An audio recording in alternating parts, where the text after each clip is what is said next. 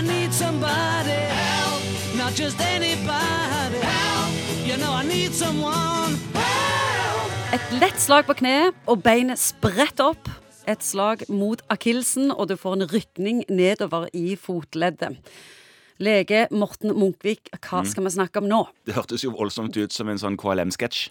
Ja, altså knerefleksen. Nemlig. Ja. Hva er hensikten med reflekser? Uten, utenom at det er gøy. Ja, ja, for det er kjempegøy. Er det sant? Det her kan du gjøre ting, og så gjør kroppen ting uten at du får eh, kontrollert det. Det er jo det som er en refleks. At en eller annen ting skjer, og så setter kroppen i gang en eller annen reaksjon uten at eh, hodet er med på det. Hvorfor er det så? Ja, hvorfor er det så? Jo, det her er jo viktige ting for mennesket sin overlevelse. Man blir født med et sett reflekser som er viktig for at man skal kunne ta til seg næring, knytte kontakt med omsorgspersoner, ikke falle ned fra trær. Nå er man jo vanligvis ikke så mye oppe i trær, men det er en refleks som heter mororefleksen, som man sjekker på spedbarn, og det er, det er jo en litt sånn utrivelig test, men hvis man holder Ikke, ikke gjør dette hjemme på spedbarn.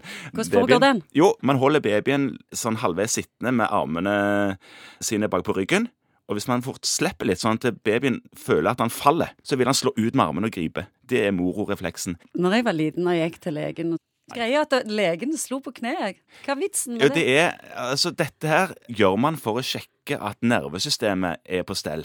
Gjør legene dette ennå? Ja, legene gjør dette ennå. Ja. Bare for å si hvorfor du har den refleksen, så er det sånn at dersom du mister balansen, så har du noen ganger ikke tid til å hente deg inn på egen hånd. Og da vil den refleksen gjøre at kroppen henter seg inn før du sjøl får programmert og tenkt hvordan du skal hente deg inn. Men så er det noe med menn og innsida av låret og pungen som trekker seg opp. Jeg tenkte du kom til den.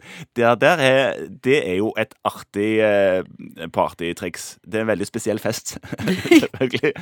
Kremasterrefleksen heter det der. Dersom man har en mann stående naken, og så stryker man på innsiden av låret, så vil testikkelen trekke seg opp. Altså pungen blir trukket sammen på den siden som man stryker på. Er det en beskyttelsesmekanisme? Ja, altså antagelig så har det vel vært et eller annet som har vært viktig den gangen vi gikk rundt uten beinklær i høyt buskas, og testiklene skulle beskyttes og trekkes opp mot kroppen dersom noe skulle på en måte provosere og slå borti de. Er dette med reflekser noe som endrer seg med alder? Ja, noen av de refleksene jeg blir født med, som for eksempel eh, sugerefleksen, denne mororefleksen og dykkerefleksen, det er ting som ofte iallfall forsvinner. Hva er de viktigste refleksene våre? Det har jo med ting som at man drar hånden vekk fra varme plater før man kjenner at han er varm, f.eks. Det er jo en fin refleks å ha på kjøkkenet. Og hoste òg? Kjempelurt å hoste før ting havner for langt ned i luftveiene, sånn at det kan sette seg fast og gi problemer, infeksjon og sånne ting. Det er klart. Er brekning en refleks, eller er det noe annet? Eh, Brekning kan være en refleks, ja. Men det er en annen refleks, og det er kornea-refleksen. Kornea er jo på øyet, det du ser igjennom. Og den hindrer jo òg at en får ting inn på øyet. Og det er jo det som gjør at en blunker. Sant? Og kornea-refleksen er jo en av de refleksene en sjekker på et lik. Dersom en skal sjekke at vedkommende er død, stryker forsiktig bomull over øyet for å se at en ikke smekker igjen øyet. Hva er din favorittrefleks? Den refleksen jeg syns er morsomst kanskje å ta, det er en refleks som kommer overraskende på den jeg tar den på. Det er kanskje den abdominalrefleksen, altså magen.